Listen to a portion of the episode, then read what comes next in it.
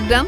Vi är framme vid avsnitt nummer 27 denna säsong 3 och jag som pratar heter Frida Zetterström. Vid min sida en tämligen utsövd Oskar Olsson. Hej Oskar! Hej Frida! Hur är läget? Hur är det bra? Du, hur sov du i natt?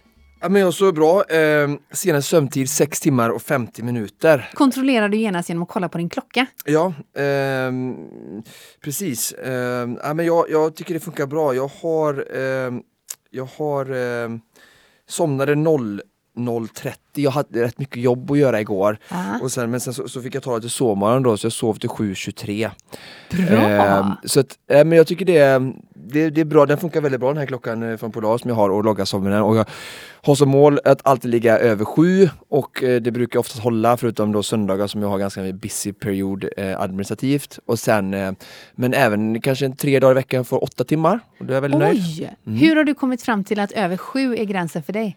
Eh, det har jag ju lärt mig liksom att jag behöver sju för att jag ska funka och träna mycket och, och må bra. Ehm, så det, det är liksom ett slags minimum. Bra! Ehm, och sen åtta vet jag ju att det är bra för hälsan. Eh, Det ska bli spännande att höra mer om detta men, men eh, mm. För anledningen till att vi fokuserar på hur många timmar vi sov i natt, vi ska inte prata om hur få timmar jag sov i natt, eh, eh, är för att det här avsnittet nummer 27 av Konditionspodden handlar om just sömn. Vi ska alldeles strax få träffa en professor inom området. Men innan dess, Oskar, eh, nu är det inte långt kvar tills det är dags att springa eh, eh, 42 195 meter. nej. Det Det går med stormsteg framåt. Ja, det gör verkligen det. Vi är ju så himla glada att våran poddpartner inte bara är partner till Konditionspodden, utan Asics Stockholm Marathon är ju liksom kronjuvelen, kan man säga. Och vi eh, närmar oss detta. Eh, och vi i Konditionspodden kommer ju finnas på plats. Eh, Du ska springa, Oskar, Ja! Mm. med mikrofonen i högsta hugg. Nej, för mikrofonen och svara på era eventuella frågor. Ja, precis. Om det är någon som liksom vill ställa en träningsfråga där efter tre, Just det. 3000 meter. Hur, hur kommer det funka? Kan man, du, jag, ser, jag kanske ska köra sån här, eh, vad heter det, eh, Insta... eh, Insta-stories? eh, live menar jag, livesändning. Ah, ja, det Från var en bra idé. Kanske vi ska lösa Det gäller ju bara liksom ut med det, ut med det. Ja, just det. It's all in the media business. Ja. Eh, innan vi eh, eh, släpper iväg dig och alla andra löpare över startlinjen så är det en fredag och det är en uppladdningsdag eh, vid eh, eh, Asics Stockholm Marathon. Och då kommer ju du, jag och producent Niklas att vara på plats på eventområdet. Och om du som lyssnar ska springa eh, Asics Stockholm Marathon är ni mer än välkomna fram till oss för vi ska ju livepodda lite. Ja just det, det är kul. Känna, ta tempen som de säger på löparna. du och Ingvar Oldsberg som säger Aha, det är det faktiskt så? tror jag. Ah, vad roligt. Ja, det är ju fantastiskt. Men Ja. på fredagen, alltså dagen innan, så befinner vi oss på scenen där inne på eventområdet. Eh, och vi har ju ett gäng, Oskar, som vi följer lite mer noga. Mm. Und- Oscar Crew. Ja, precis. Oscar Crew kan vi döpa om det till nu också. Men under hashtaggen eh, 42195 med Konditionspodden så samlar ju vi eh, träningsframsteg, träningsresultat eh, och eh, förberedelser inför Asics Stockholm Marathon. Hur tycker du det går för vårt gäng? Ja, men det går bra. De känns ju som alla är väldigt motiverade och har målet i sikte och eh, tränar fokuserat mot det. Så det, det är jätteroligt. Mm, det är väldigt spännande att följa. Framförallt är det på Instagram man kan följa. Men det finns också två utav eh, eh, tjejerna är det faktiskt i vårt gäng som man kan följa på Youtube. Det är eh, löparen Mika Stare och Elmina eh, Saxi. Från eh, Essex Frontrunners. Exakt. De är ju eh, inbitna löpare sedan Mm. långt tillbaka. Och vi har ju egentligen faktiskt mest hakat på dem, ska vi Så ärlighetens namn säga. Mm. säga. Eh, de kan man följa genom en Youtube-serie som heter Skor, svett och pannben. Ja, det är, jag har tittat på den, jättehäftigt och jättekul att följa dem i deras vardag och på deras träningspass. Mycket inspirerande faktiskt. Eh, och eh, det rekommenderar vi för att få sig en liten dos utav uppladdning inför Asics Stockholm Det är Marathon. kanske är därför du har fått sånt här storhetsvansinne nu och springer sådana långa pass. Exakt så är det. Framförallt är det storhetsvansinnet som har slagit till. och det är jag inte ensam om. Som av en händelse leder det oss in i nästa programpunkt. Ah. du, han ska är... träna sju pass i veckan som någon annan elitlöpare. För innan vi eh, ger oss i kast med samtalet med eh, sömnprofessorn eh, så ska vi eh, kalla fram producent Niklas till spakarna.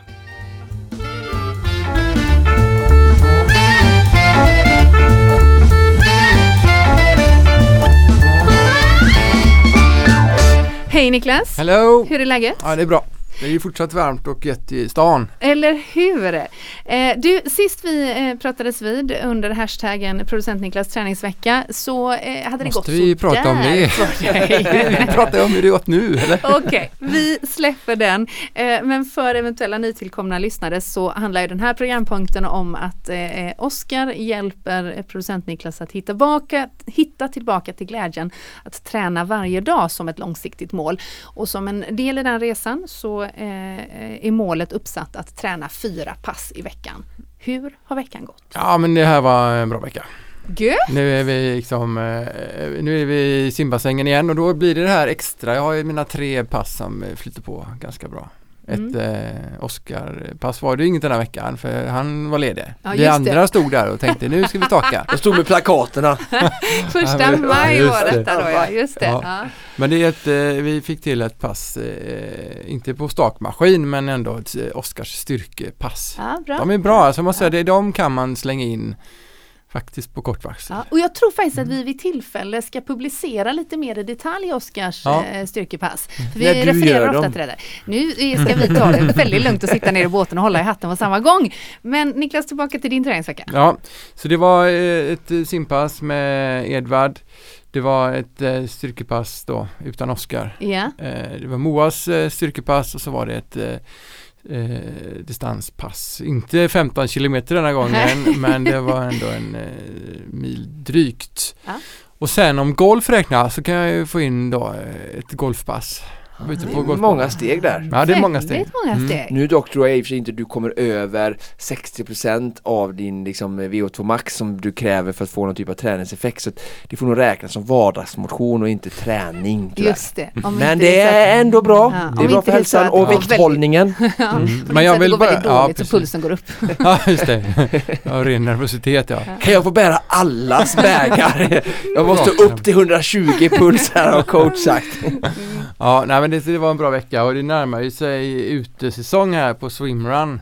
Just Ja, det. så det, det är nära nu. Ja, vi var ju och nosade på ett delmål Mm. eh, med att hitta en, eh, en tävling som eh, skulle kunna vara ett mål. Mm. Mm. Stimulera träningsfrekvensen som det heter i träningsläran, alltså Mm. antal pass i veckan. Men jag tycker att vi pratade mycket om hur långt det är kvar till Stockholm Marathon. Men Frida har ju lovat att hon ska springa Göteborgsvarvet. Det är ju inte Just alls det. lika långt Nej, kvar. det är inte så långt kvar, det är bara två veckor nu typ. Så det Sen har Frida inte lovat någonting. Nej, Vi nej. hörde det förra gången tydligt. Om hon springer så lovar jag att springa jämte och peppa. Oj, oj, oj, oj, oj. Om jag springer måste du springa helt och peppa. Ja, bra. Nej, jag skojar bara. Ja, nu har vi då. Ja, vi återkommer Vi till denna programpunkt. Eh, en annan punkt som vi lämnade öppen var ju i förra veckan att eh, Mikael Nilsson, mannen med den eh, nätta ambitionen ett maraton i månaden, hade skrivit in till oss på Konditionspodden att hans pjuck hade gått sönder och han behövde nya löparskor. Du Sönder vet jag inte men kanske utslitna. Ja, jag tror faktiskt han använder frasen de Oj, gått sönder. har kanske du har kört lite för länge till och med Mikael. Så skulle det kunna vara. Hur det nu var Oskar så skickade du ner honom till eh, våra kompisar på Löplabbet Jajamän. och vi skickade faktiskt ner en mikrofon.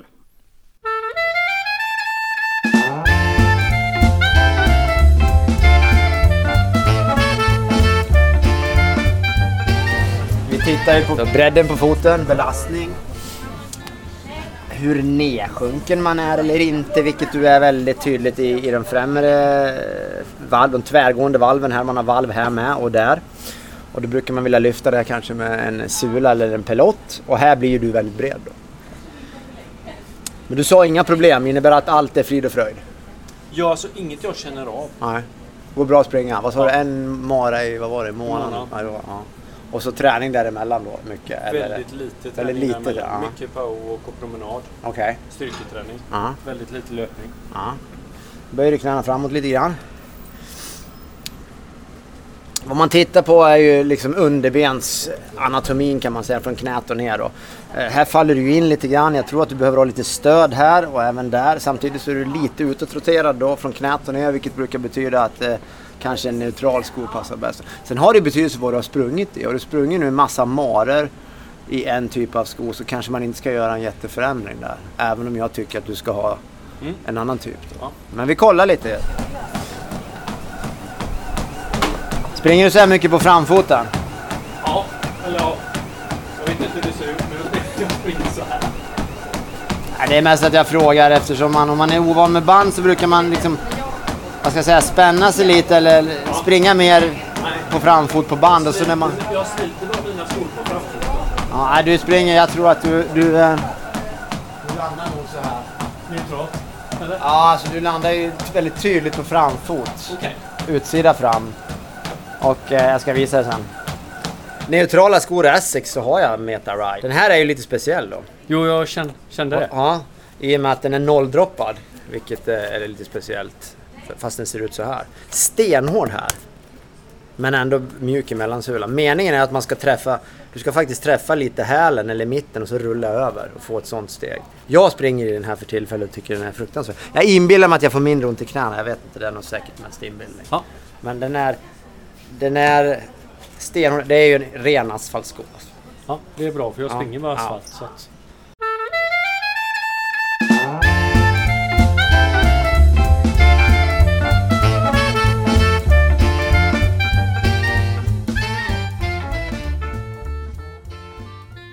Och vi har nu förflyttat oss upp, in och fram till sömnmedicinsk avdelning på Sahlgrenska universitetssjukhus. Vi har slagit oss ner i ett eh, ombonat rum där det ligger kuddar och täcken i högar. Det är ett antal skärmar för tillfället nedsläckta på väggen och vi har blivit serverade både te och finska pinnar. Och vi säger hej och välkommen till Konditionspodden Lutger Gråte. Ja, men hej, god dagens. Hur är läget? Ja, det är skönt, det är en underbar dag. Och det blir väldigt kul att prata med er om eh, era frågor. Och jag kan säga Lutger, vi har så många frågor med oss. Okej. Eh, vi har ju eh, berättat i Konditionspodden vid flertal tillfällen att vi ska träffa dig, eh, professor i sömnmedicin. Men när vi väl eh, skakade hand så sa du, jag är en sömndoktor. Mm. Och du är ju klädd precis som en traditionell läkare i läkarkläder. Eh, du bedriver inte dina dagar eh, bara med näsan i forskningsrapporterna inte? Nej, alltså det är ja, både och. Alltså, vi träffar här väldigt många patienter här på, på sömnmedicinsk avdelning. Vi är på lungkliniken så det är största patientgruppen. De snarkar, har andningsuppehåll, ibland jättefarligt nattlig syrebrist. Ja, och då undersöker vi dem. Antingen sover de med utrustning hemma eller här på vårt sömnlaboratorium där man har sex platser. Ja, så det är klart vi bara inte undersöker dem såklart, vi behandlar dem. Så vi har ett antal tusen patienter som vi behandlar mot andningsuppehåll. Och sen andra sömn... Det finns ungefär 90 olika sjukdomar faktiskt relaterat till sömn. Oj! Ja, och sömn är ju så viktig, en tredjedel av vårt liv och det är klart det kan ju gå en del snett. Mm. Och vi undersöker de allra flesta och behandlar också de flesta av dessa sjukdomar. Så vi har följt upp och, och, och det är ett jätteintressant arbete. Och, Då- eh, De här skärmarna som jag refererade till som våra poddlyssnare inte ser men som eh, täcker hela eh, den högra väggen här inne i det här rummet. Eh, vad visas på de här skärmarna när, när det är mörkt ute och folk har checkat in på rummen? Ja precis, de kommer ju ungefär vid nio tiden och så blir de så att säga, man placerar elektroderna och sen släcker vi ljuset. Målet är runt 23.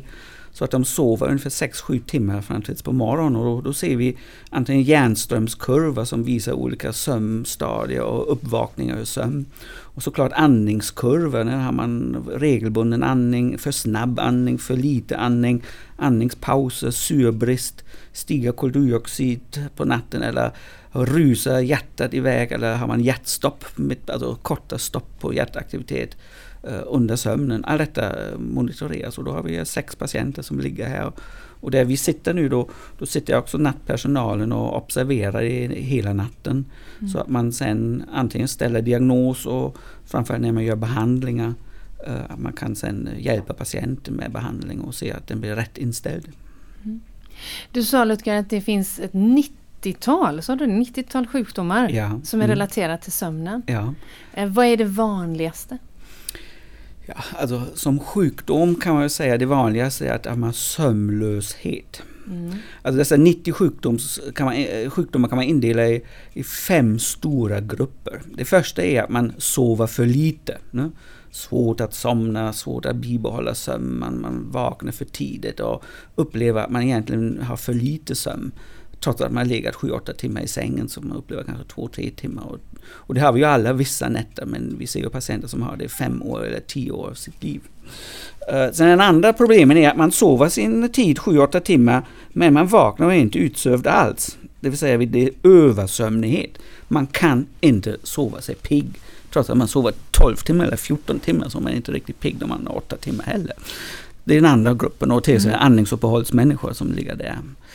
Sen har vi människor som har fenomen under sömnen där man kallar det parasomni, alltså bredvid sömnen. Det klassiskt är sömngång, sömnskrik.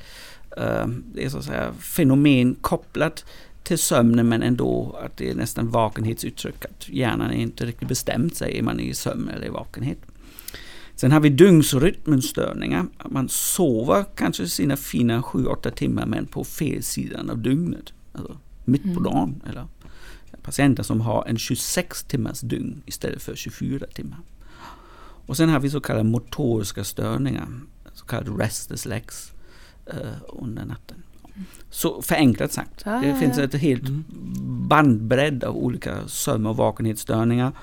Och det är klart, det är roligt att känna till dem och sen att vi kan framförallt erbjuda behandling. För dem. man kan aldrig hjälpa alla, det skulle vara fullständigt förmätet att säga. Men vi kan erbjuda rätt så många behandlingar till väldigt många människor som funkar bra. Hur, hur många söker sig hit till Sahlgrenska varje år ungefär? Ja, alltså, de här fem, inom, inom de här fem grupperna? Ja, man kan säga att det är ungefär 1000 patienter som söker sig hit med fråga om andningsuppehåll. Och så är det ungefär 300 patienter som söker sig per år med de andra och, och, och, sömnstörningar. Och, och de blir remitterade oftast av primärvården alltså, eller andra specialister. Så det är inte patienter själv som söker sig hit, de är oftast genom, mm. de har mm. gått genom vårdapparaten och andra har försökt att hjälpa redan och så har man inte kommit hela vägen. Så kommer man till oss. Uh, um, så att säga. Vi har, på Sahlgrenska har man ju uppdrag att hjälpa de svårast sjuka. Även med sömnstörningar, att vi ser de svårast sjuka. Vi har ju eh, i Konditionspodden ett ganska tydligt träningsfokus och många av våra lyssnare är väldigt träningsfokuserade. Och sömn är ju något som vi ofta pratar om i form av återhämtning kring, eh, kring träning och att kunna prestera både fysiskt men också eh, mentalt på topp på dagarna. Mm. Eh, går det att svara på frågan hur viktig är sömnen? Jag, tror det kanske enklaste svaret är att, att se sömn och vakenhet som en balans, ungefär som en yin och yang. Mm. Uh, jag brukar för, försöka förklara att vi är biologiskt byggda som fullvuxna människor att ha ungefär 7-8 timmars sömn som förbereder oss för de kommande 16-17 timmars vakenhet i så att säga optimal funktion. Och sen efter 16 timmars, 17 timmars vakenhet, ja då, då vill vi, behöver vi helt enkelt en sömnfas av runt 7-8 timmar och det är väldigt individuellt. Barn behöver ju mer. Sen finns det människor som säger att ja, jag behöver bara 5 timmar. Men det är verkligen väldigt få som behöver så lite sömn. Mm. De allra flesta ligger på 7-8. Uh, sen är det så, vissa säger att jag behöver 10 eller 11 timmars sömn. Ja, och då då lyfter jag blicken lite grann därför då börjar det bli lite mycket faktiskt. Eh, mm. Tänk mig, det, det är alltså allt över nio timmar som en fullvuxen människa. Då kan man fråga sig, är det någonting inne i sömnprocessen som inte funkar fullt ut, att man behöver mer än nio timmar. Men det, det, finns individuella behov helt enkelt. Och det är inte hugget i sten att alla måste sova varje natt åtta timmar. Det är definitivt inte så. Men den här yin och yang processen, att sömnen är uh, ja, som en catering service för hjärnan, brukar jag säga. Att vi under sömnen i en aktiv återhämtning, både hjärncellerna, muskelcellerna, menar, hela regleringssystemet. Kroppen är ju väldigt komplext reglerad. Och evolutionen har ju upptäckt sömn hos alla livsformer, nästan. Och, och, och hos människor är, är det helt enkelt 7-8 timmar som vi behöver för väldigt många olika, för att fungera på många olika områden optimalt. Eh, jag tycker det är intressant också att titta på både generellt eh, och men även individuellt när det också då gäller när de här 7-8 timmarna ska äga rum. Ehm, och min fråga eller ehm, frågeställning är lite eh, om det finns några ehm, eh, om du skulle säga en rekommendation att det är bäst att sova mellan 10 och 6. Eh, och om det i så fall är det, är det, jag hör ju många säga att eh, jag, jag, måste sova till sju, eller jag kan inte gå upp före sju eller jag måste sova till åtta, jag kan inte gå upp före åtta. och då säger jag då som, som gillar att lägga mig i tid och gå upp vid sex att det där är inte någonting som, som är bestämt utan du kan lära din kropp och börjar du liksom gå upp klockan sex och lägga dig tio eh, så kan du få in den rytmen men de hävdar att nej men det här är min fasta rytm. Så, så min fråga är så här att, för jag kan känna det själv att ja men får jag sova till sex eller ja, ja ungefär sex, då, då känner jag mig utvilad när jag vaknar. Jag brukar lägga mig mellan tio och 11 och, men vaknar jag liksom så här 20 över 5 då kan jag känna så här att nej, det, nu är jag inte, inte riktigt färdig. Mm. Så, så, frågan är lite, finns det något sånt här fast eller är det individuellt bestämt tror du eller Finns det morgon och kvällsmänniskor helt enkelt? Ja precis, finns ja, man, det det? Eller kan man vänja sig? Vad blir morgonstjärna? Mm. Eller är det förutbestämt DNA, genetiskt? Ja, och jag tror det är otroligt viktigt nu för en, så att säga, för, för, för, för de som lyssnar till det här att uh, vad har sömnen och dygnsrytmens reglering med träning att göra? Och en av de mest elementära regleringsmekanismerna är faktiskt dygnsrytmens reglering. Så svaret på din fråga är att dina kompisar har rätt och du har tyvärr fel. Ah, bra, bra. Jag kommer att klippa ut det här citatet. och spara det. Med väl valda tillfällen, Lutger. ja, vad roligt. Därför, Utveckla. Därför poängen är ju så att um, om man säger evolutionen fick ju hitta ett väldigt tidigt svar till jordens rotation. Och det har ju funnits från början. Det vill säga vi har eh, under ett 24 timmars dygn väldigt olika förhållanden. Antingen är det, eh, är det ljust och kanske varmare och man kan se bättre jämfört med att det är mörkt och kallare och man har svårare. Alltså, till jordens rotation fick man en anpassning och det är dygnsklockan, dessa så kallade klockgener som verkligen bestämmer vilken dygnsrytm vi har. Och dygnsrytmens reglering det är en mjuk general som verkligen styr alla våra funktioner och tajmar in det i 24 timmars dygnet. Och då var 2017 eh, Nobelpristagarna, de hade upptäckt de genetiska styrmekanismerna för den här dygnsklockan och fick ju Nobelpris för det. Därför man har upptäckt under forskningens 30-40 år att detta är en mer och mer betydelsefull regleringsmekanism. Så hur går det till? Ja, det är, vi får in ljusimpulser genom ögat, specifika ljusreceptorer i ögonen som inte för att skapa synen, det är verkligen för att ta in ljusinformation och då för man det vidare till en så kallad nucleus suprachiasmaticus, det vill säga ett, ett område som ligger strax bakom ögat eh, eh ovanför synnervskorsningen. Och där har vi våran superklocka som verkligen har en biologisk klocka, inte en mekanisk klocka eller en kvartsklocka. Nej, det är verkligen en, en eh, biologisk klocka som styrs av gener och en så kallad proteinbiosyntes och deras regleringsmekanismer som tar exakt 24, rätt så exakt 24 timmar. Uh, och då finns det olika genetiska uppsättningar av det. Vi har ungefär som man har blåa ögon och bruna ögon så finns det en genetisk uppsättning för, från mamma och pappa en, en, en viss uppsättning. Och man får från sin mamma och pappa en morgonuppsättning. Då är man lite som du lägga sig tidigt. Mm. Ja, lägga sig tidigt. Sova har förhoppningsvis gått 7-8 timmar och sen kan man gå upp tidigt. Ja. Så den klassiska morgontypen lägga sig ner. Alltså man, man har svårt att se färdigt på 21 ja. uh, nyheterna. Och, då vill och det är väldigt signifikant både min mor och far också. Ja, och då vill man borsta tänderna och så lägger man sig 22 och så sover man gott och sen fem, halv sex är no worries att gå upp eller sex och så har man sina åtta timmar och så är man, eh, man hoppar ur sängen i full fart.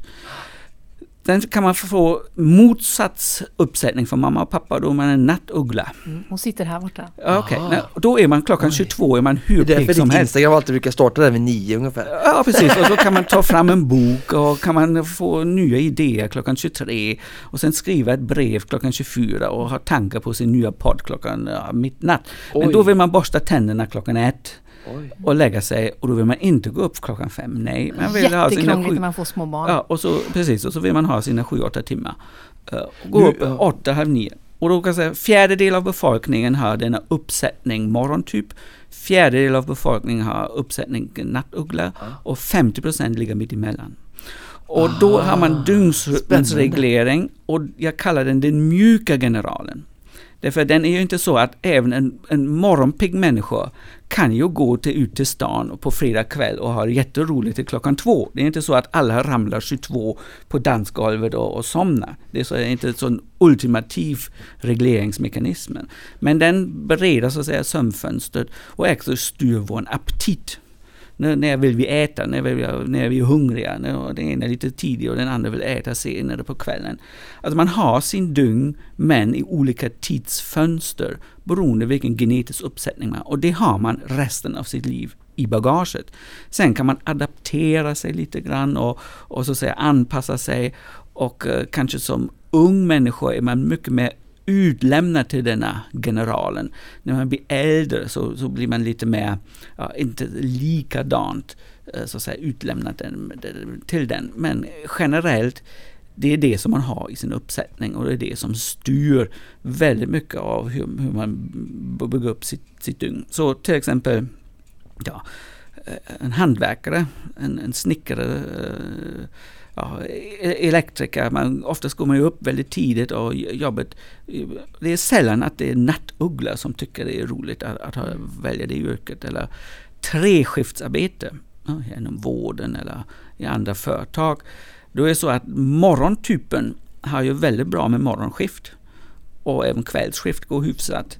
Natten är ju ganska tuff när dessa mm. vargtimmar slår ju dubbelt och tredubbelt för morgon, morgontypen. Och nattugglan skulle man tänka, nattugglan har det ju jättebra på nattarbete som är ju mest hatat kanske, eller tuffast. Men nattugglan hade jätte, jättetufft att uh, gå till, till morgonskift faktiskt. Mm. Därför nattugglan har inte möjlighet att lägga sig mycket tidigare kvällen innan kanske bara av rent utmattning. Men man, man kan, nattuggla vill inte lägga sig 21 eller 22 för att kunna gå upp klockan 4 eller 5. Så um, ett roterande treskiftsschema är mycket tuffare för en uh, nattuggla än för, för, en morgontyp. Så man kanske inte intuitivt skulle tro att det är så, men, men det är så. Ja, så det, och skilsmässafrekvensen är faktiskt mycket högre hos de som gifta sig i den motskilda, alltså en morgontyp och en nattuggla eh, i ett parrelation har en viss högre chans att, ah, att det, vad sa du nu? Det var jobbigt med motsatsförhållanden. Nu kollar du din man ja, ja, ja, vad han är. Jag tror mig, jag vet det här väldigt väl. så att, eh. Skillnaden är högre hos de som har en nattuggla. Ja, det finns studier som har visat detta, sen det finns andra som, som så att säga, men det är en rolig parentes. Då tänker jag att kärleken måste vara väldigt stark om man klarar det i 20 år då. Ja. Jag som ett jo, men, men de, definitivt. Och sen kan det vara bra att man har olika uh, privata tider för sig själv. Och kanske också bra för ett förhållande, så det kan du uttala mig. Men, men är i alla fall en ganska rolig parentes. Men i sportsammanhanget är ja. ju väldigt, väldigt viktigt. Um, Gå upp tidigt. Ja, plus att man själv vet ungefär var ligger mitt individuella sömnbehov mm. och när per dygn vill jag ha min sömn. Mm. Och då måste man nästan ta en veckas ledig, verkligen, och, och ta bort alla måsten och helst flytta ut kanske till en stuga vid, vid, eh, vid en liten sjö där man har verkligen sig själv och kanske sina mm, ja, familj med sig och, och gör helt enkelt semester och sen eh, första två, tre nätter kanske man, man måste sova bort allt sömnbrist som man bär med sig i sin, sin vardag. Och sen är det verkligen så håller man på sin dag och när man blir spontant trött och sömnig och vill borsta tänder, ja då, då säger jag det här är min intern klocka som vill ha sin sömn. Och så sover man gott och så sover man färdigt tills man säger men det var nu färdigt, nu vill jag gå upp. Och då vet man ungefär sömnlängden och tiden under dygnet man vill sova. Och så gör man detta två, tre nätter i rad och gör lite statistiskt medel, medelmått. Men man måste plocka bort uh, Eh, paddan och alla Netflix-serier och, och, stänga av mobiltelefoner och inte hålla på med alltså om, om, man vill lyssna till sin kropp och lära känna var ligger min sömnlängd och var ligger min dygnsklocka om man inte redan vet det. Många vet ju ungefär hur långt, du visste ju väldigt väl med denna morgon typ och du vet ungefär din sömnlängd ja, ja, som du känner dig fin med. Ja, men om man är själv genom all möjlig stress och arbete och alla måsten är lite vilsen så är det ett tips. Mm. Och det är otroligt viktigt att veta det för resten av sitt liv. Därför uh, att, att ignorera denna den här yin och yang modellen, att man så att säga försöker pressa bort en komponent ja, det håller inte riktigt i längden. Framförallt om man vill ha ett välbalanserat liv där man är psykiskt välbalanserad men också när man vill prestera bra. Och jag kan tänka mig några av era man man har ju mycket yrke, familj och sen vill man ha mycket träning. Ja, då tänker man sig, ja men då knaprar det från sömnen. Mm. That's not good, no, no good idea. No, på lång sikt är det inte bra, därför man vill ju skapa balans i livet. Men att knapa för mycket på sömn, skulle jag säga, är inte så riktigt bra. Därför um, ehm, kronisk sömnbrist leder helt enkelt att, till att man i de många funktionsområden, det vill säga hur pigg man är från, på dagen. ja. Hur står jag ut med en monotona situation under dagtid? Hur mycket? Hur lätt somnar jag på ett APT-möte? Hur lätt somnar jag Eh, kanske eh, i en, eller hur, sömnig blir jag bakom ratten när jag ska köra 10, 12, 15 mil mitt på dagen? När det är sådana monotona situationer, man blir sömnig plötsligt, ja då har man ju sömnbrist väldigt ofta. Eller minnesfunktion. Bra sömn är viktigt för att minnas saker. När man vaknar på morgonen är god till mots och eh, social interaktiv eh, och kreativ i att lösa vardagsfrågor. Ja, det är bra sömn, tillräckligt, är den bästa förutsättning. Och sen såklart också finns det ganska massa data runt träningen. Men ni kanske har specifika frågor på detta sen. Eh, Har vi något tips då till våra nattugglor här? Nu, nu vet vi ju, eller vi hoppas lite att Frida eh, eh, ska springa eh, Göteborgsvarvet men vi är inte riktigt bestämt än. Men det går ju, starten där kan jag glädjande till nattugglan säga den är klockan ett. Mm. Men vi har ju många lyssnare som startar lopp oftast kanske vid mellan 6, 7, 8 och 9 på morgonen. Det är lite längre. Har du något tips till de här nattugglorna? Vi har ju kommit överens om att de är det genetiskt och de gör bäst i att veta om sin dygnsrytm och hålla sig till den överlag sett till träningsveckorna och sin eh, träningsupplägg eh, under året. Men sen då när de kommer in i, mot tävlings, eh, eh, tävlingen då som de har laddat för länge, kan de göra någonting, eh, försöka öva på det de, några veckor innan eller finns det några speciella, eh, vad heter det, att man gör en rit, ritualer eh, för att liksom lära sig, eller ja, klara helt enkelt prestera kanske bättre på ett lopp som startar sju? Ja, det är ju en ganska, ganska svår fråga. Det första ska komma på väldigt tydligt och klart. Undvik sömnbrist Mm. innan. Så att du inte går in i det hela med sömnbrist.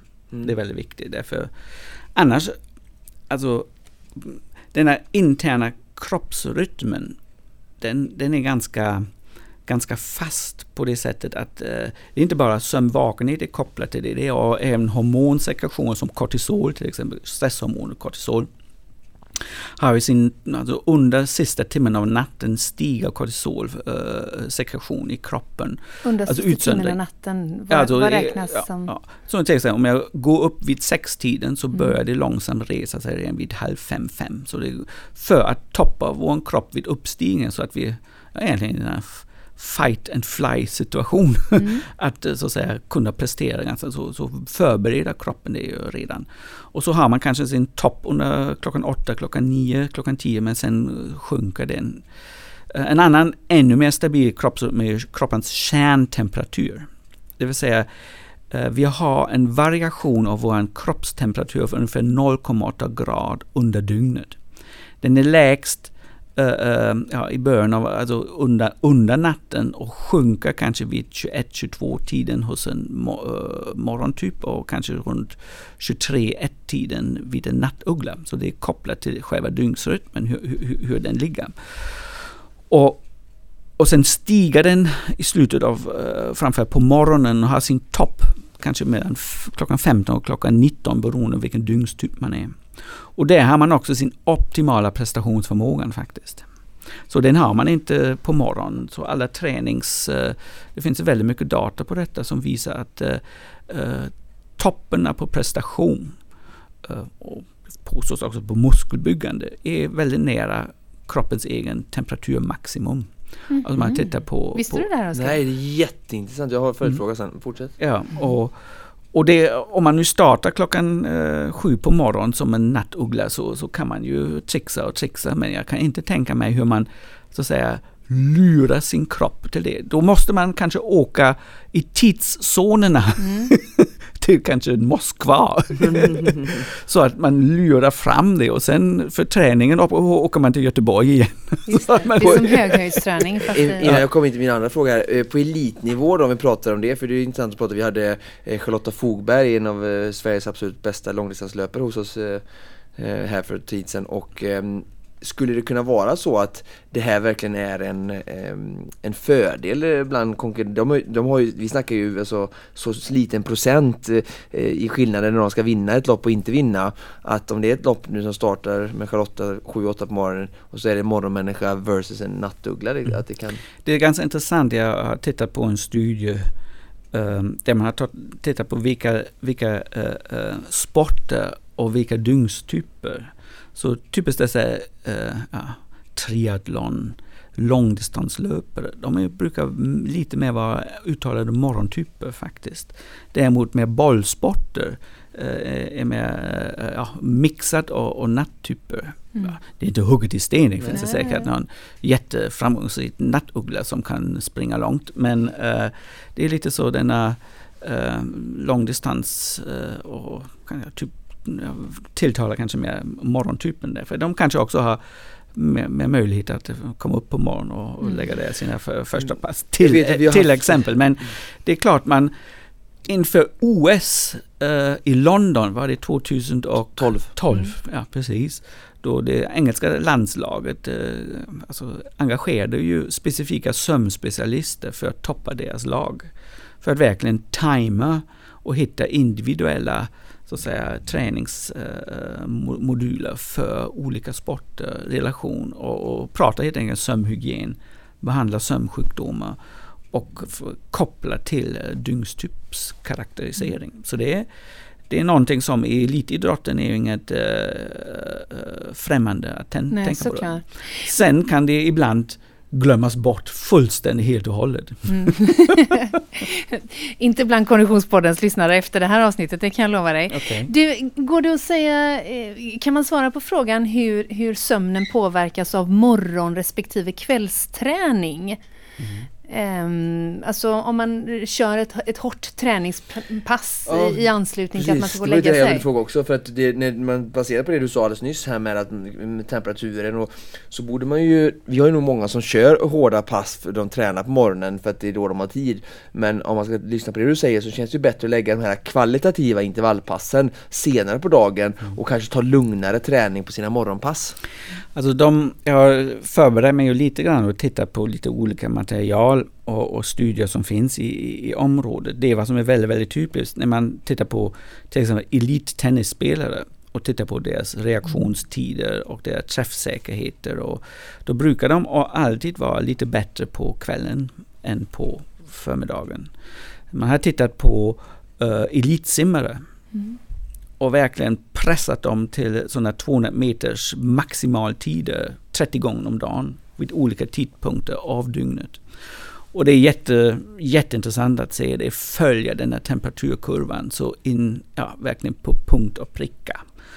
Eh, och så finns det lite på, på nätet finns det en del som säger att du maxar uppemot 85% bättre resultat när du tränar på kvällen än, än på morgonen. Alltså, allt som talar för att um, Uh, när, du, när du tränar runt ditt egen temperaturmax. Och då skiljer det ju sig några timmar mellan en morgontyp och en Mm. nattuggla. Och sen indifferenstypen ligger rätt så mitt emellan. Då, då, då kan det, det påverka resultatet. Sen om man är en vardagsmotionär så är det förhållandevis irrelevant. Alltså, denna sportaktivitet måste vara knuten till det vardag. Vad är möjligt? Mm. Vad, vad passar i mitt liv? Vad kan jag göra det? Eller jag älskar att springa på morgonen, då blir jag så glad och, och, och det har en positiv in, inverkan på resten av min dag. Och så skulle jag tro att i första hand en morgontyp skulle tänka så. och kanske, ja, kanske även en nattuggla går upp klockan nio och gör sin första runda. Men ja, då kanske man är lite mer pressad ändå att gå till jobbet.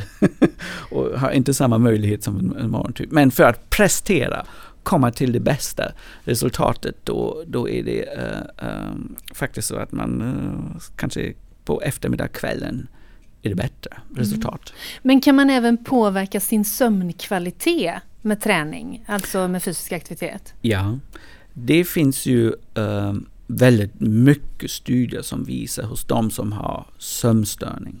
Också till när man är mer snarare, ja, man känner sig dålig, man är ledsen, depression. Man kan verkligen må otroligt mycket bättre att ha fysiskt, alltså fysiska pass och, och, och det finns en hel del data som, som talar för att fysisk aktivitet är även sömnförbättrande. Sen kan det också finnas too much. Eh, och man ska till exempel inte hårt, hårt träna inför natten. Man ska ha en till två timmars eh, eh, så att säga, distans till den tiden som man verkligen vill somna. Därför eh, man får ju med sig en aktivering och endorfinfrisättning till exempel beroende hur hur man så att säga, kör sitt pass. Och det kan ju delvis eh, störa sömnen. Sen finns det ju människor som har sån stabil sömn, de kan till och med dricka en kopp kaffe en halvtimme innan sin sömn och sova ändå hur bra som helst. Men generellt är det så att man ska ha en viss avstånd. Därför i en sån träningssituation då höjer man ju kroppens kärntemperatur. Och sen denna nedgången av själva kroppens kärntemperatur, som jag pratar ju att det blir ju lägre temperatur vid insomning och under själva sömnen. Det är en insomningsstimulus. Och om man höjer detta lite grann genom en aktivitet så får man detta med så att säga, som en insomningsstimulus. Det vill säga man bastar efter en träningspass. och, och sen går man hem och så är man jättetrött och så sover man hur gott som helst. Alltså det är en sån insomningsstimulus. Men man ska ha en viss avstånd så att man inte stör sin insomning. Hur mycket avstånd? En timme, en och en halv. Ehm, Jag har så oerhört många frågor, men det är fantastiskt så slänger du in lite lyssnarfrågor Eh, emellan. Fantastiskt inspirerande att höra dig. Ja, det har, vi har många eh, lyssnarfrågor. En del har du svarat på redan. Men eh, jag, jag reflekterade förut när du berättade om att man skulle kunna göra den här forskningen på sig själv, den där stugan eh, vid sjön. Jag känner att jag skulle vilja boka in den, för övrigt, av många skäl. Eh, men, men då sa du inledningsvis lite i förbifarten att man kanske de första två, tre dagarna behöver man sova i kapp. Jag trodde inte man kunde sova i kapp. Oh ja. Tur nog är det så. Alltså, ehm, man kan se att varje timme som jag är vaken så ingår jag en sömnskuld till min sömnbank. Och sen efter 16-17 timmars vakenhet, ja då är det en ganska hög skuld som man sen måste bryta ner med sina timmar sömn. Ja. Och det är, när man är, lever rätt så balanserat så är det nollsummespel på morgonen. Så man har sovit klart.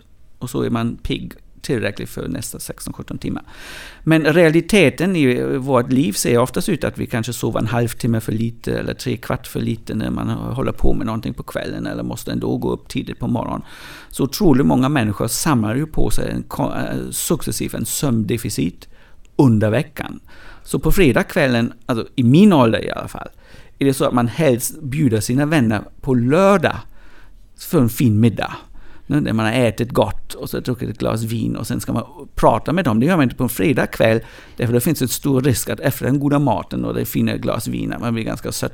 Man vill först ha en återhämtningsnatt, en så att säga sovmorgon till. Och det hämtar vi faktiskt. Om man säger man kumulerar en, en och en halv timmes sömnbrist under en hel vecka, ja då är det lördag morgon, då sover man alltså i snitt mer en halv, en tre kvart. Oftast på söndag är det ännu mer. Om man inte måste köra sina barn till fotbollen och till den träningen och den träningen. Så att man hela tiden bokar sin helg med massa aktiviteten så att man inte kommer till sin återhämtningssömn och det är no good idea.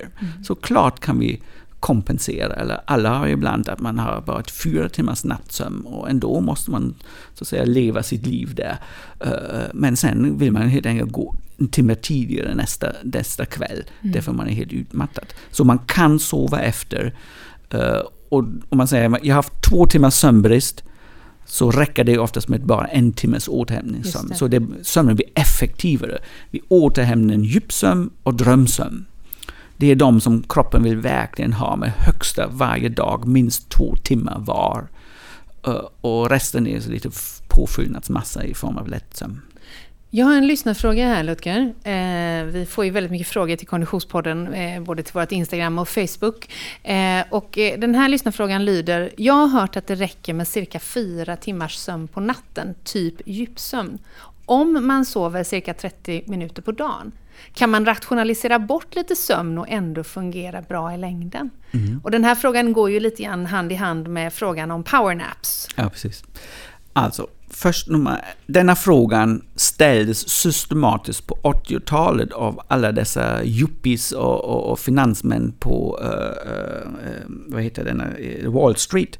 Där det uppfann man ju denna datoriet och nätet och då kunde man plötsligt göra börs, börshandel dygnet runt.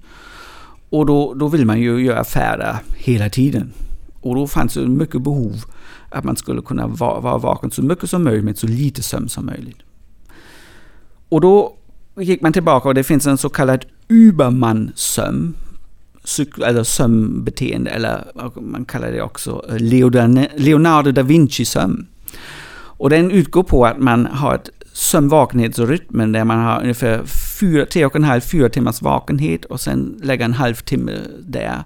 Alltså varje var fjärde timme gör man en eh, halvtimmas sömn. Och på det sättet försöka att minimera eh, sömnbristen och även minimera totala sömnbehovet. Eh, det är väldigt få individer som klarar av det. Det finns faktiskt en sport där man behöver eh, ha, ha förmågan att klara ett sånt extremt sömnpass. Mm. Jag, ja, vi har inte frågat, uh, göra frågesport av det, men det är enmanssegling jorden runt. Det är denna sporten där de toppresterande människor, de får inte sova för lite. Mm. Därför då gör de fel och gör dåliga beslut. Om man sover för mycket, ja då har man inte full koll och riggar fel och vet inte vad man åker. Så att de kan inte vinna heller.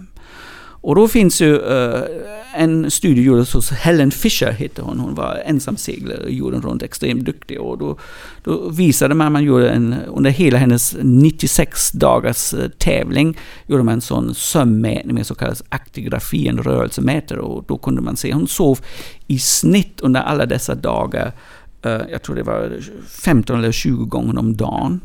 Men max en kvart. Mm. Max en kvart. Så hon hade hela tiden korta sömnperioder. Eh, men hon var hela tiden igång för att sätta kurs och hålla eh, koll i riggen. Och, och, och det är sådana extrema sömnrytmer.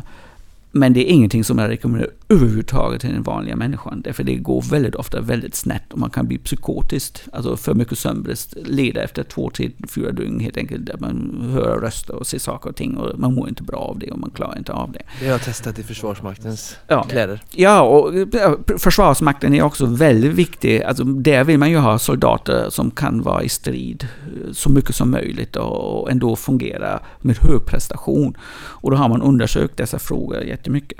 Så att spara på sin sömn är verkligen ingen riktigt bra idé att försöka optimera detta. Um, och det brukar vi ju göra under veckan för att klara uppgifter, men för att ha det systematiskt i bruk.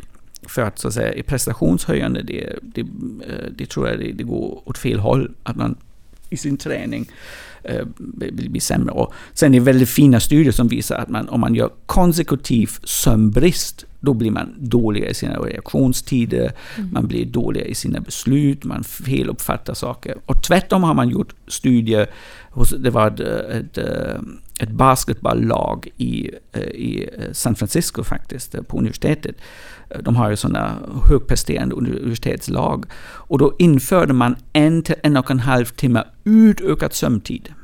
Och då gjorde man olika prestationsmått och då såg man helt enkelt att de, de var snabbare, eller de gjorde under två månaders tid. Och då såg man att hela laget i snitt blir mycket, mycket snabbare och bättre i sin träfffrekvens med de utökat sömntid. Så att minska på sin sömn skulle jag inte se som en fördel.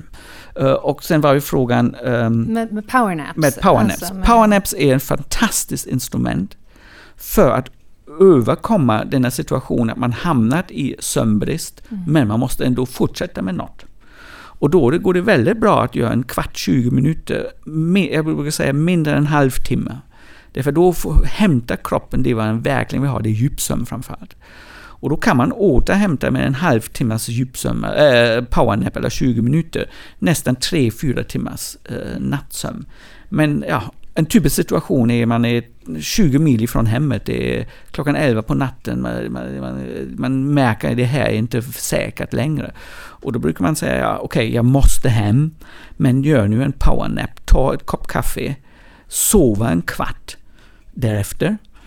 Och sen väcker du en, då kan du köra förhoppningsvis två. Därför koffeinet, till den funkar, det tar ungefär 20 minuter. Innan och så har du så att säga brutit ner sömnskulden 20 minuter väldigt effektiv. Plus en liten koffeinkick. Mm. Ja, och då, då tar det dig eh, ganska mycket längre. Så visst är det- powernap är superb, Mm. men det kan man inte ha som en konstant så att säga eh, brandsläckare. Åh, ska, jag skulle precis berätta och tänka att jag tar tillbaka den. Men jag, jag, jag reste under en, en lång period med en musikal och vi, hade, vi tränade på Catch Up On Your Sleep på powernaps dagligen eftersom vi hade väldigt korta nätter. Mm. Eh, jag har ytterligare eh, lyssnarfrågor. Jag tänker att vi får koppla in dem här. Jag får ta en jättefort grej här Ja. på det du hade här. Eh, jag har en vän eller bekant eh, som han sover nästan en timme varje eftermiddag. Det går hur bra som helst. Därför om man kan dela upp, vi blir födda med polyphasic sleep. Det var det där Leonardo da Vincis sömn. Man säger att man har flera sömnfaser under ett dygn. Vi vi födda där vi, vi sover ungefär 20 timmar per dygn. Uh, sex, åtta faser. Och sen vaknar vi och äta och sen somnar vi om igen. Men detta blir ju äldre vi blir, blir det mindre och mindre och mindre och sen kanske som, som förskolebarn har man kanske en sömnfas kvar. Sen blir vi, de flesta av oss i Norden blir monofasiska, monofasic sleepers. Och det men att ha siestasömnen till exempel och att dela upp sin totala sömnbehov på, sju timmar på två tillfällen, det går hur bra som helst. Det finns studier som visar även att det kan vara att du har längre livstid på grund av att du under själva dygnen. Jag kritiserar ri- du kan inte gå hem och sova varje eftermiddag. Han bara, jo jag sover mellan typ Ja. fyra och fem och sen så sover han sex, sju timmar på natten. Exakt, ja. Och då har man total sovtid eh, på kanske åtta timmar. Ja, ja. Men däremot om det skulle vara så jag behöver åtta timmar per natt plus två timmar på dagen. Då blir det too much. Då, då måste man så att säga eh, vara observant. Det- Så ska det inte vara. Men sin att dela upp sin sömn, det går hur bra som helst. Men däremot är det inte bra när man säger ja, jag har sovit sju timmar i natt som min vanliga längd. Men det har blivit plötsligt så att jag måste, när jag kommer hem klockan 17, det första jag måste lägga en halvtimme, tre kvart för att sova för att överhuvudtaget klara av kvällen. Nej. Då- är det så att man plötsligt har ökat sömnbehov för att kämpa mot sin översömnighet. Och då, ja, det är till exempel våra sömnapnépatienter, alltså snarkare, som plötsligt får en ökat sömnbehov dagtid som man inte haft förut. Och då, då har man så att säga en process in i sömnen som är dåligt, det vill säga en massa andningsuppehåll. Ja, och då behandlar vi detta och då plötsligt behöver de sina sex och en halv timme och är hur pigg som helst. Så det, det är så att säga, men att ha den konsekventa siesta-sömn, hur bra som helst. Ja, vi har en fråga som kom på, på eh, Instagram här. Eh, Det är en kille som heter Niklas som har skrivit in. Hur mycket påverkas återhämtning av avbrott i sömnen? När man till exempel har småbarn som vaknar på natten. Det är mycket väl beroende hur, hur stabil den egna sömnprocessen är. Eh, Det är helt klart att ett längre avbrott under natten kan verkligen störa återhämtningsprocessen, framförallt när man har svårt att somna om. Mm. Och det kan ju vara så att man har, man har gjort, eh, hjälpt sina barn och sen ja, ska man somna om och så tänker man ah, vad ska jag göra imorgon och, och herregud jag är stressad och jag måste göra det och det och jag har inte gjort det och då plötsligt blir den där fem minuters eh, service blir till en timmes sömnavbrott. Mm. Ganska många klarar det ganska bra, även sådana sömnavbrott. Eh, men vissa patienter är väldigt känsliga för det och, och får stor del av återhämtnings... Och det, det, det är väldigt kvitto får man nästa morgon om man säger känner jag mig utsövd. Och det är inte så att alla måste så att säga, hoppa ur sängen direkt och säga wow, jag är jättepigg. Men åtminstone när man druckit sin kaffe och stått under duschen när man lämnar huset, då ska man känna sig utsövd och redo för, för dagen. Och om, om man inte är det efter alla dessa avbrott, ja, då, då, då är det enkelt så. Men det är ett individuellt svar. Till exempel, jag har ju sömngångare som patienter. Och de blir störd, kanske, alltså de har sin sömngångsmoment fem eller tio minuter. Men de kan säga, när jag har haft en natt med sömngång, herregud, jag är helt förstörd dagen därpå. Och då kan jag säga, ja, fem, tio minuter borde ju inte ha en sån stor effekt på själva återhämtningsfunktionen. Därför Ibland sover man en kvart mindre och det spelar inte så stor roll. Men eh, då ser man att ändå återhämtningsfunktion blir elementärt störd av en sömngångsfenomen. Och då kan ju vara samtidigt med andra människor när de gör en barnservice, att de blir likadant negativt påverkade. Mm. Jag går upp och kissar varje natt, typ någon gång mellan två och fyra. Det är också ett avbrott liksom. Är det dåligt för mig? Tänker jag. Alternativet Det- är inte så trevligt. nu kommer vi här till... Men jag menar bara, på, är, det, är det dåligt för mig liksom? Ett handikapp? Liksom? Nej, alltså vanligtvis säger man så, om man... Eh, när man har normal njurfunktion, då räcker urinblåsan hela natten. Så antingen har man druckit för mycket vatten på kvällen innan. Jag har provat allt. Jag tror typ inte dricka någonting sex timmar innan sömn, dricka inget kaffe, eller dricka kaffe dricker jag aldrig på kvällen. Eh, jag har provat alla olika saker. Dricka alkohol, dricker inte alkohol, dricker vatten, dricker inte vatten, äter, äter inte. Eh, Alltid upp och kissa. Ja. Det kan ju också vara något förväntat beteende, man vaknar och sen behöver gå på toa. Sen i, i vår värld på, på så att säga sömnlaboratoriet är ju nattlig toalettgången ofta en tecken av snarkning och nattlig andningsuppehåll. Men det behöver du inte svara nu på. Så det, Jag har en, en annan fråga som har kommit in här på Facebook till Konditionspodden. Eh, jag, jag, redan vis av den här eh, snara timmen så kan jag ju konstatera att här, du kommer säkert svara att det är individuellt. Men eh, han skriver så här. Mitt problem är att jag sover för mycket. Alltid morgontrött och ångest att gå upp. När, eh, när jag är ledig kan jag sova 10-11 timmar och på eftermiddagen är jag oftast trött och kan lägga mig. Jag har inga problem att somna på kvällen. Jag har alltid haft det så här, men det har blivit lite bättre sedan jag började med löpning. Vad svarar vi? eh, ja, då skulle jag verkligen um, uppsöka vård. Gå till vårdcentralen, göra en allmän check. Det är too much. Mm. Åtta timmar, that's enough. Nio timmar. Kan det vara så som du har sagt, sömnapné då? Du var inne på det lite Ja, det finns olika former av um, så att säga för mycket sömn. Och det kan vara ett beteende, men det kan också vara ett sjukdom eller det kan vara symptom av något helt annat. Mm. Um, Så det är bra om man kontaktar helt enkelt. Om man själv störs av detta och det låter ju så. Alltså jag själv skulle ju se det.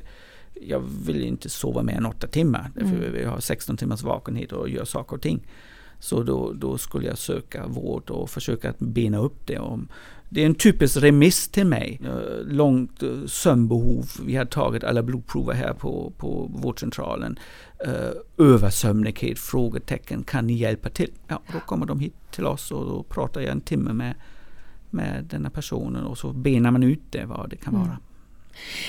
En, helt, en fråga av helt annan karaktär är, finns det sömntåg? Och när de går, måste man vänta på nästa? Det är ju lite som jag sa, detta med dygnsrytmen. Mm. Ja, Sömntåget är ju en, väldigt klassisk fråga. Man Mm. säger. Den- Den går varje, varje 40 minuter. Inte så riktigt är det inte. faktiskt. Men däremot detta med sömntåget, där man säger nu spontant, jag tittar på rapporten eller Aktuellt och, och jag, jag själv är en morgontyp också. Så jag tycker efter, efter så att säga, ha- halv tio, då, då får det väl vara nog. Mm. Och då vill jag också gå upp och borsta tänderna. Och, och det är sömntåget för mig på grund av min dygnsrytm. Mm. Men att den går var, var, varje kvart och så, egentligen inte. Okej. eh, Lutger, jag känner att vi har fått oändligt med information och kunskap. Och jag, jag vågar utlova, Lutger, att vi har aldrig spelat in ett Konditionspodden-avsnitt som har gett Oskar så mycket nya insikter i livet. Aldrig. Jag det här är det bästa och viktigaste avsnittet från min synvinkel Ja. som jag tycker om jag får ratea alla avsnitt vi har spelat in. Ja, verkligen. Tusen tack Lutger för att vi fick komma hit och besöka dig. Ja, tack så mycket. Det var väldigt roligt att höra era frågor. Och jag hoppas att eh, några får någon nytta av det. Och sömn och vakenhet är ju verkligen en regleringsmekanism. Alltså, man måste leva med sin sömn och man måste respektera sin mjuka general för att eh, verkligen eh, se inte sömn som ett, som ett bortkastad tid. Det är en stor, se det som en komplement, som förberedelse till ja, alla de roliga grejer som man kan göra nästa dag och att det är verkligen den absolut optimala förberedelsen. Så man ska älska sin sömn. Och sen om man har sömnproblem, alltså verkligen brottas med sin sömn och det är för lite eller för mycket eller konstigt, ja då finns det helt enkelt hjälp att söka. Och första, man kanske googlar lite runt och sen gå till en vårdcentral. Mm. Det är min, mitt tips. Eh, Och motion, om det inte är alldeles för mycket och för hårt och för extrem, brukar vara väldigt bra för sömnen faktiskt. Underbart. Tack så hemskt mycket Lutger. Och tack så mycket för att du lyssnar. Sov så gott. Konditionspodden produceras precis som vanligt av Fredag. Connect Brands with People.